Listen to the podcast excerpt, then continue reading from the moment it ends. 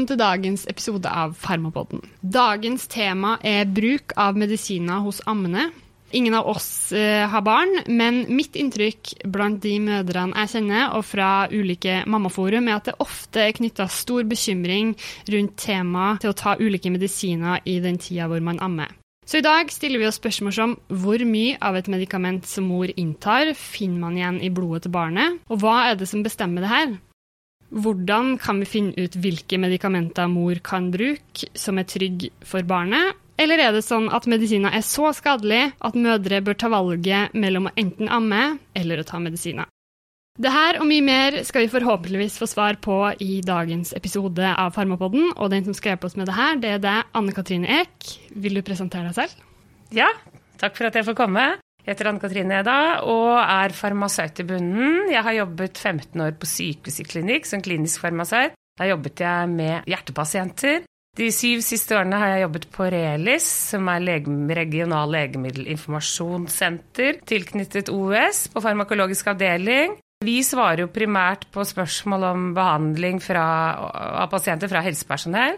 Mest leger, noe farmasøyter, litt sykepleiere. Men vi har en egen eh, tjeneste som er at vi svarer på spørsmål om amming og graviditet, både fra mødrene selv og fra helsepersonell. Så det er derfor jeg er her i dag, og jeg er veldig interessert i dette temaet, og det er viktig at vi får så mye informasjon på bordet som mulig, sånn at vi kan behandle disse ammende damene som vi skal snakke om i dag, på best mulig måte. Da er det perfekt at du er med oss i dag. Men aller først, hvorfor er det så viktig å kunne om det temaet her? Det er litt vanskelig tilgjengelig informasjon. Eh, man gjør jo ikke noe gode, store studier på ammene. Nå fikk de ammene det legemiddelet, og de ikke, og så så vi om det gikk gærent med barn eller ikke.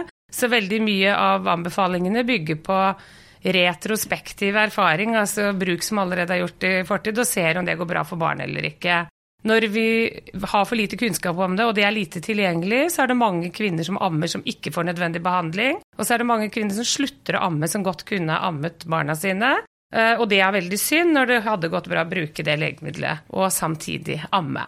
Eh, og for dere som da er leger, eller blir leger, så er det en informasjon som er litt vanskelig tilgjengelig ofte. Så det skal vi snakke litt om. Ja, det er et viktig tema. Eh, men først, før vi går inn på det med medisinene, så må vi litt innom amming. Selv om vi ikke har barn sjøl, så har vi hørt om både mammapolitiet og ammepolitiet. Og amming er jo et tema som engasjerer, og som veldig mange har sterke meninger om. Hvilke fordeler har amming, Anne Katrine? Ammingen har eh, masse fordeler, og den har jo fordel faktisk både for barnet og for moren som ammer. For barnet så er det jo morsmelken fantastisk. Den er ernæringsmessig riktig sammensatt, akkurat eh, med den sammensetningen barnet trenger etter hvert som det vokser. Det reduserer fullt av antistoffer, reduserer forekomst av allergier og gir også bedret immunsystem. Man ser at det reduserer en del ulike typer infeksjoner hos barnet, som f.eks. GI og øvre og nedre luftveisinfeksjoner. Det er veldig lett fordøyelig og hindrer forstoppelse hos barnet. De blir veldig obstiperte med den erstatningen mange av barna sliter med det. Det er veldig praktisk og lett tilgjengelig. Man har alltid fersk melk tilgjengelig, og det koster absolutt ingenting. Det er veldig enkelt. Det som er viktig, er at det styrker det emosjonelle bånd mellom mor og barn. Man ser at dette her er veldig gunstig. Det er også sett at det reduserer risiko for krybbedød. Eh, og så tror man det er gunstig for hjerneutviklingen. Kanskje man får høyere IQ ved det. Det liker ikke de som ikke har blitt ammet med morsmelk, å, høre helt. For mor så reduserer det risiko for flere sykdommer, bl.a. bryst- og eggstokkreft. Diabetes type 2, kardiovaskulære sykdommer, mange sykdommer. Man ser at det er veldig gunstig etter fødsel å amme.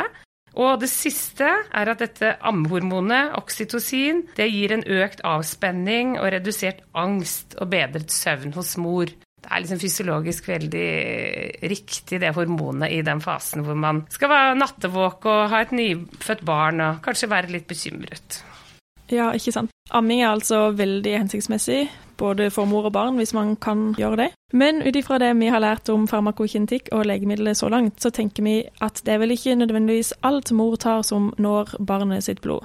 For vi vet fra farmakokinetikken at ikke alt legemiddelet kommer over i mors blod. Dette kalles biotilgjengelighet, hvor mye som blir tilgjengelig i mors blod. da. så skal legemiddelet fra mors blod komme seg over i morsmelka, og deretter over i barnets blod og eventuelt ut i vevet. Så vår hypotese er at ikke alt mor inntar når barnets blod nødvendigvis. Det er veldig riktig, og dette her er jo en lang prosess i mange trinn. Og det er jo også slik, eh, litt innledningsvis, at når eh, brystmelken vil ofte til slutt inneholde akkurat samme mengde legemiddel som det som er i mors blod. Men det er jo ikke nødvendigvis det samme som mor har tatt inn hele dosen. Så legemiddelet skal altså gå Mor tar en tablett og skal videre oppnå en konsentrasjon i hennes blod. Det er første trinnet. Og mengden hun får i blodet etter at hun har tatt et legemiddel eh, inn i munnen eh, peroralt, det er jo avhengig av hvordan legemiddelet absorberes i hennes mage-tarmkanal. Kanskje har hun en tarmsykdom, så kanskje den er redusert allerede. Eh, og så skal det videre distribueres når det har gått over i blodet til ulike vev. Eh, så skal det videre brytes ned, metaboliseres via lever og ekskreteres ut via urinvær og nyrer. Så da er det jo litt avhengig av hennes eh, leverfunksjon, og vi har jo alle litt ulik sammensetning av enzymen i leveren som bryter ned, og at nyrene er helt i orden. Men uansett så kan vi ikke gi noe klart svar på hvordan dette fungerer. Vi må se på hvert enkelt legemiddel, hvordan det kjemisk er sammensatt, hvilke egenskaper det har. Og så må vi også se på farmakokinetikken, hvordan kroppen til den enkelte tar hånd om det legemiddelet vi gir. Og her skal det både inn i mor, som skal videre få det over i brystmelk, og så over til barnet. Vi har en egen episode om farmakokinetikk, så hvis man trenger å repetere litt det vi var innom nå, så kan man høre om den episoden. Steg nummer to er da at legemiddelet kommer over i brystmelka. Hva er det som bestemmer om legemiddelet faktisk går over? Ja, det må jo forflytte seg, og, og da er det litt av egenskapene til legemiddelet spesifikt. Eh, nå er det slik at eh, store molekyler, de som er over 200 eh, til i hvert fall 500 Dalton, som det heter, de går ikke over i, i morsmelka. De er for store. Sånn at en del av disse immunmodulerende nye legemidlene som vi bruker ved artritter og Crohns og sånne typer legemidler, mabbene, de er altfor svære, så mange av de klarer ikke å gå over i melk i det hele tatt. Så da er ikke de så farlige å bruke. Så er det løseligheten av legemidler i vann og fett. Melka er veldig fettrik. Og så det er fettløselige legemidler som lette vil gå over. Er de veldig vannløselige, så vil de heller ikke gå over i stor grad. pH i melka er 6,8, så det er sånn at det basiske ikke-ioniserte, altså ikke ladde legemidler, de vil lettere gå over enn en de som er uh, surere. Så er det proteinbinding. Det er slik at uh, legemidler rundt i kroppen de er i ulik grad bundet opp til plasmaproteiner. Og hvis det er en veldig høy binding, at de er liksom fanget opp og bundet på albumin f.eks., så er det lite fritt tilgjengelig legemiddel som kan flyte over og også passere over i, i brystmelka. Så sånn oppsummert så er det legemidler Fettløselige, ikke-ioniserte legemidler med lav molekylvekt som er små, som har størst overgang til morsmelk. Hvor mye cirka er det av et legemiddel som en ammende tar, som faktisk man finner igjen i melka som barnet får? Man tenker fort at man er veldig redd når man tar et legemiddel og ammer, men det er faktisk slik at for de fleste medisinene er det ikke mer enn 1-2% av dosen som er tatt av mor, som finnes igjen i melka. Så det er veldig liten overgang. og sånn så kan vi tenke oss at eh, de aller aller fleste legemidlene er ikke skadelige. og Med mindre ikke vi tar skyhøye doser, men vi må jo da se på hvert legemiddel igjen om det er eh, et toksisk legemiddel eller ikke. Har halveringstida av et legemiddel noe å si for hvor mye som blir tilgjengelig? Det er det absolutt. Eh, nå sa jeg i stad at konsentrasjonen av legemiddel i brystmelk og i mors blod, det er lik. Det er en sånn uh, likevekt. Halveringstiden uh, i blod den ser vi jo på for alle legemidler. er veldig nyttig også vite for brystmelk. Da kan man se hvor lang tid tar det å skille ut et legemiddel når man har tatt det, og ut fra det vurdere når man kan amme igjen. Er det et legemiddel vi betrakter som litt toksisk, og vi ser at halveringstiden er to timer, så kan man jo tenke seg at det er mye av mengden i melka og blodet redusert etter to timer. Så hvis vi venter litt til da, så blir eksponeringen for barnet mye lavere enn om du tok og ammet nesten umiddelbart når legemiddelkonsentrasjonen var på vei opp. Ja, jeg skjønner. Så ved kort halveringstid så kan man amme fortere etter man har inntatt legemiddelet? Ja, det kan man egentlig. Mm. Men noen også har jo så ekstremt lang at du, du må, det er ikke mulig å gjennomføre det praktisk. Og ventetid er ute av kroppen. Det går ikke amme annenhver dag med et nyttfødt barn. Så da må du bare ta forhåndsregler og følge med og lage en plan for det. Eh, vi går videre til siste trinn, altså fra konsentrasjonen i melka til konsentrasjonen i barnets blod. Og jeg vil tro det er de samme faktorene som bestemmer absorpsjonen hos oss voksne, som òg bestemmer absorpsjonen hos barnet, med molekylstørrelse, pH, fettløselighet osv. Er det noe annet spesielt viktig å tenke på med tanke på nyfødte? Det er det, vet du. For du har helt rett i at hele farmakokinetikken og hva som går over, og medikamentets eh, egenskaper, absorpsjon og metabolisme og alt det her, det, det, det er jo de samme trinnene som skjer. Men først og fremst så må vi jo se på hvor mye barnet inntar. Hvor mye drikker barnet? Hvor mye får det totalt i seg som kan påvirke? Noen kan si jeg har eh, et barn som eh, ammes to ganger daglig. Da blir jo eksponeringen liten. Men med nyfødt så ammer man jo hele tiden, og da blir den stor. Men hvis jeg skulle si noe spesifikt, da, så er vi jo særlig skeptiske. Og barna som er under tre måneder gamle, de nyfødte, de premature og syke barn, de er mye mer utsatt for å bli påvirket av legemidler enn via morsmelk enn de eldre barna. Og det har mye med farmakokinetikken å gjøre, at den er annerledes for dem. Ja. Har du noen eksempler på hva som er annerledes hos de? Ja, de helt små barna de har en redusert motilitet i tarmen. Og da får de også en redusert absorpsjon av legemiddelet over eh, i blodet fra tarm.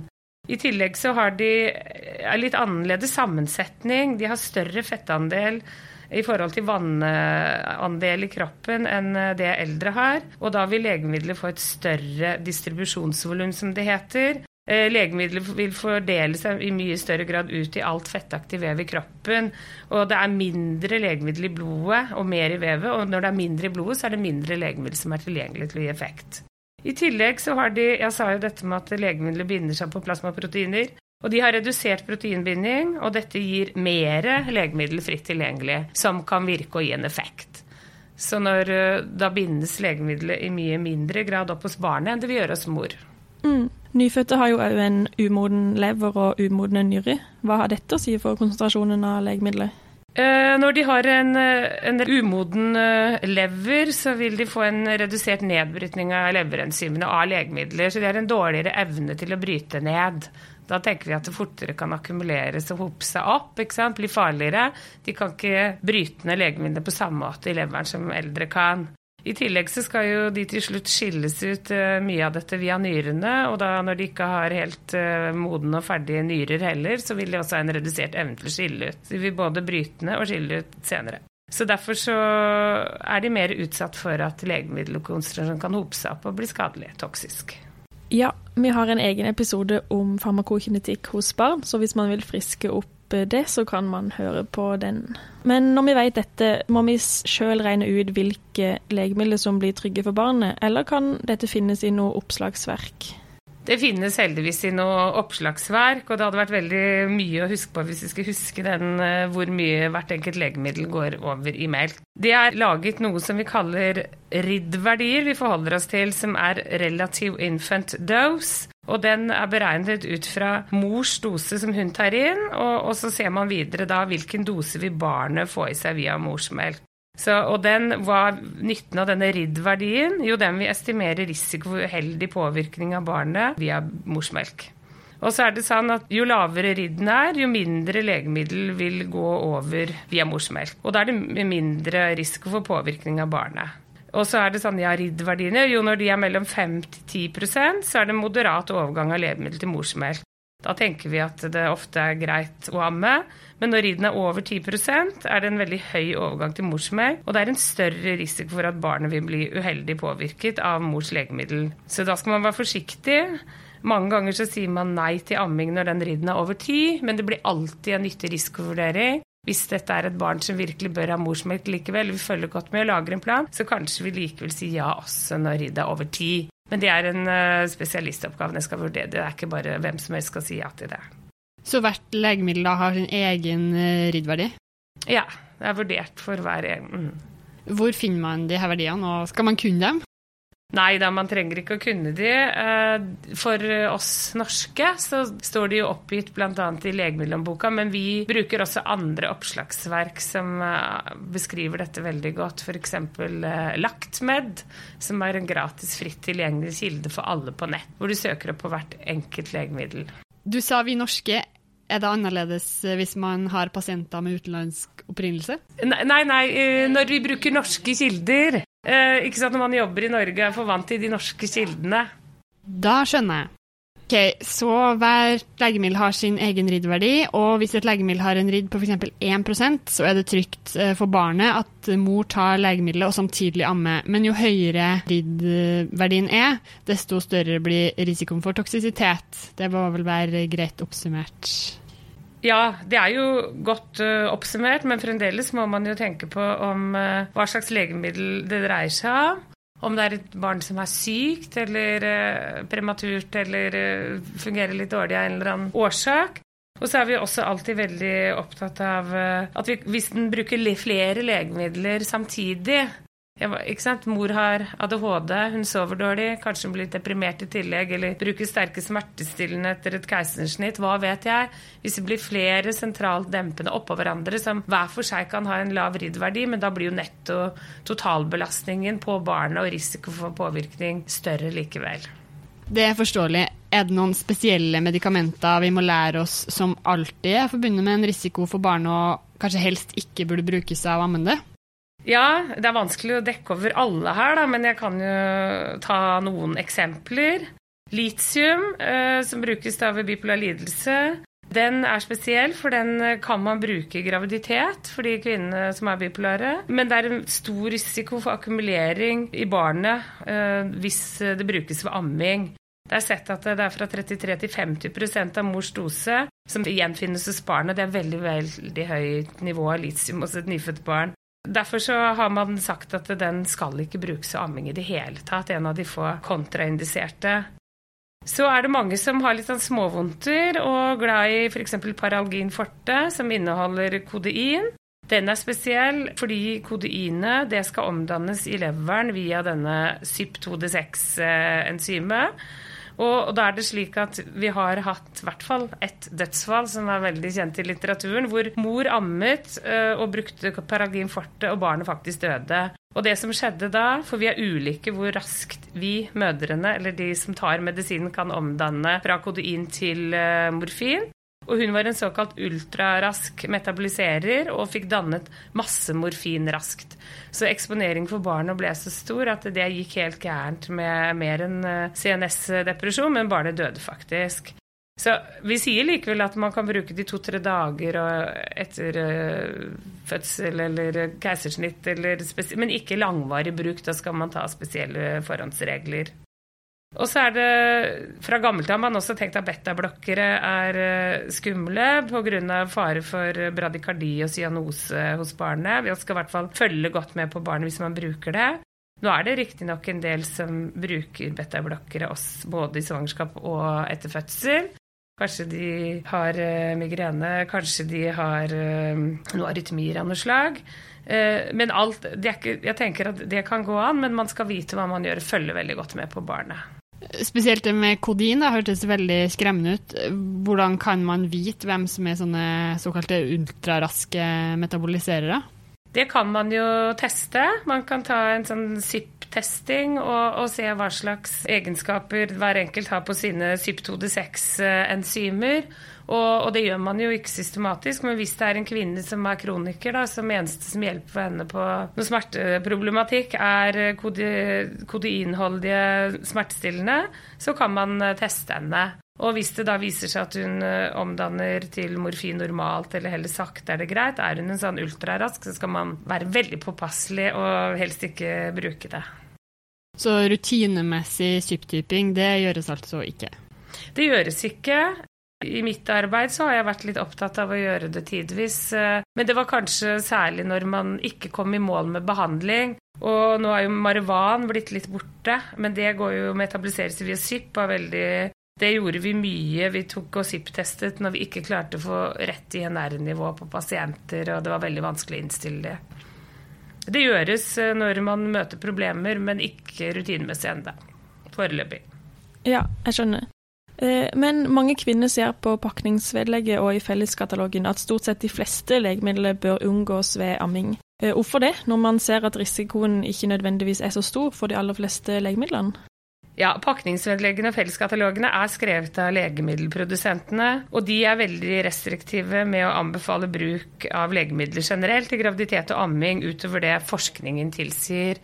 Fordi at ikke de har egen forskning på at dette går bra, det er greit, så sier de heller nei. Og det er jo veldig mye juridiske årsaker også til dette at de sier nei. De vil ikke ta ansvar og bli saksøkt hvis noe går gærent her. Eh, det er jo uheldig, fordi det gjør jo at kvinnene får et legemiddel, kommer hjem, leser pakningsvedlegget og ser at dette ikke kan brukes ved amming, og så tar de det ikke, eller blir veldig redde. Slik at uh, dette er noe vi må vite om. Nå er det også sånn Hvis man bruker den appen i Felleskatalogen nå og går på amming og graviditet, så kommer du videre til legemiddelhåndbokas anbefaling, som er mer moderat og riktigere. Men det er det ikke sikkert noen enkelte kvinnen vet når hun sitter der med det pakningsvedlegget. Nei, det kan jo få veldig uheldige konsekvenser hvis kvinnen lar være å ta medisinene pga. det. Men eh, du nevnte legemiddelhåndboka, hvor man kan finne informasjon om eh, dette. Er det noen andre plasser man kan finne informasjon om legemidler som er forbundet med en risiko?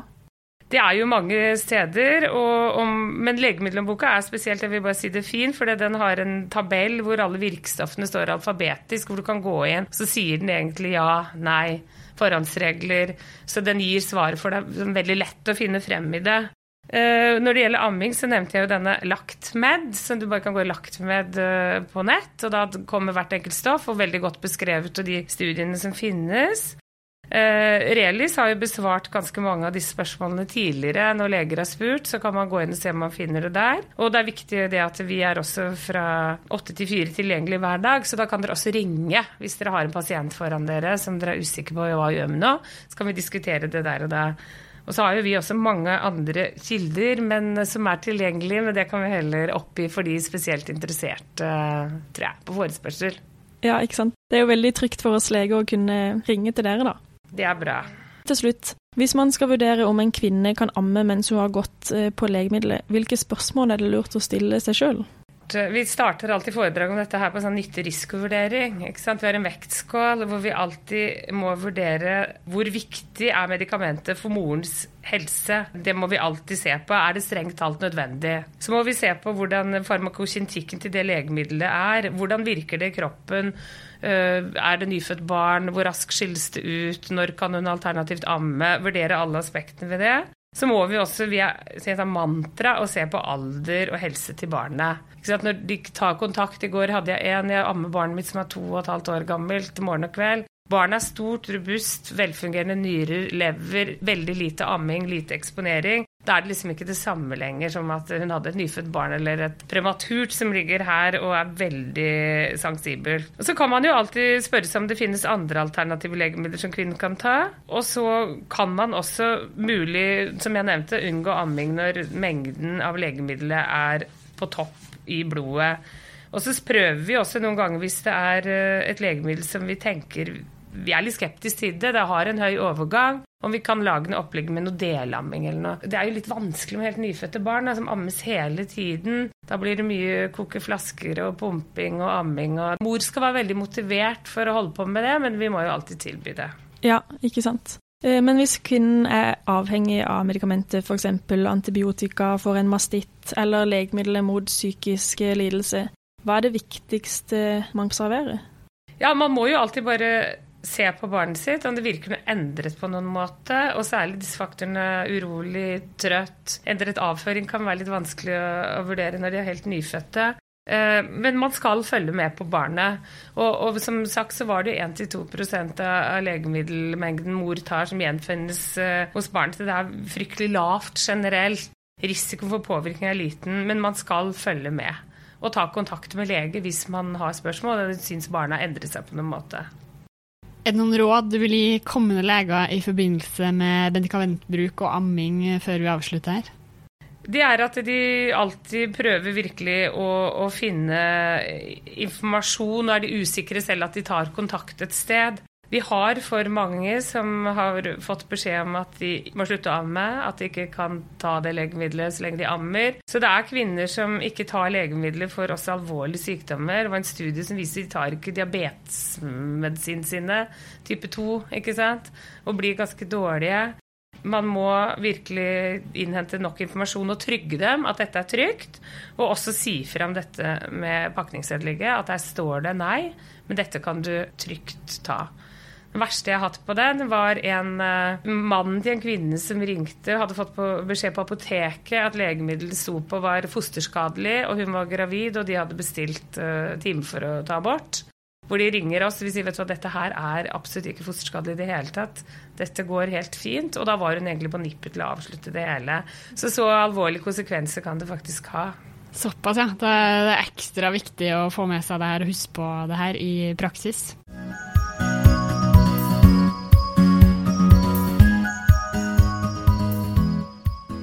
Vi har jo eh, som tradisjon å avslutte hver podkastepisode med en eksamen, så i dag er det Cecilie som skal ta oss gjennom det. Hva er det viktigste vi har vært gjennom i dag eh, når det kommer til amming og bruk av medikamenter?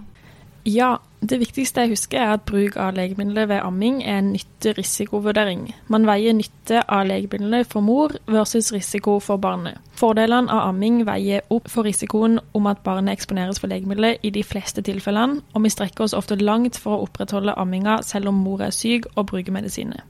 For det andre så er det ikke store mengder legemidler som mor inntar som når barnet sitt blod, kun 1-2% fordi først skal alt gjennom mange prosesser, det starter med at mor tar en dose med legemiddel, og jo større dose, desto større risiko for barnet. Så vil eh, denne konsentrasjonen av legemiddelet komme over i mors blodbane, og hvor mye som blir biotilgjengelig, er avhengig av mors farmakokinetikk. Og deretter så skal legemiddelet gå over i morsmelka, og her er det egentlig de samme faktorene som bestemmer hvor mye som går over tarmepitelet eh, som er viktig, altså molekylstørrelse, plasmaproteinbinding, fettløs led og pH. Hvor mye legemiddel som går over i barnets tarm, er avhengig av mengden melk barnet inntar. Så vil konsentrasjonen av legemiddelet komme over i barnets blodbane, og stikkordet er igjen farmakokinetikk. Til slutt så er effekten av legemiddelet i barnet avhengig av barnets alder, helsetilstand og farmakodynamiske faktorer. Og her må man huske på at nyfødte har en annerledes farmakokinetikk enn voksne, med bl.a. tarmmotilitet, volum av fett og lever- og nyrefunksjonen. Nå har jeg sagt eh, mye. Vil du eh, prøve å oppsummere resten, Malin? Jeg kan jo prøve. Eh, vi var jo innom at halveringstida i melk og plasma, den er lik. Så man ser halveringstida i pakningsvedlegget eller sjekker på en eller annen oppslagsverk, så vet man at det er det samme både i Eller også da i, i morsmelka. Eh, Riddverdien den angir risiko for eh, toksisitet hos barnet, men vær obs eh, ved polifarmasi og flere lave riddverdier. Noen spesielle legemidler er forbundet med bivirkninger hos spedbarn. Vi var da innom spesielt noen betablokkere, litium og kodein. Vær nøye og spør mor eh, om viktige spørsmål angående det aktuelle legemiddelet og om barnets alder og helse, og be mor ta kontakt dersom hun observerer forandringer, endringer i barnets væremåte. Sjekk aktuelle legemidler på f.eks. relis.no eh, eller i Legemiddelhåndboka, og gi mødre god informasjon. Anne Katrine, har vi bestått eh, dagens eksamen? Ja, det har dere. Jeg er imponert over eh, hvor mye dere har fått med dere av det her. Ja, veldig bra. Vi må si tusen takk for at du ville komme til oss og lære oss eh, om dette viktige temaet. Hvis du som lytter på har spørsmål, så send oss gjerne en mail på farmapodden at gmail.com. Du finner oss også på Facebook og Instagram. Vi høres igjen. Takk for at du lytta på. Ha det bra. Ha det bra. Ha det bra.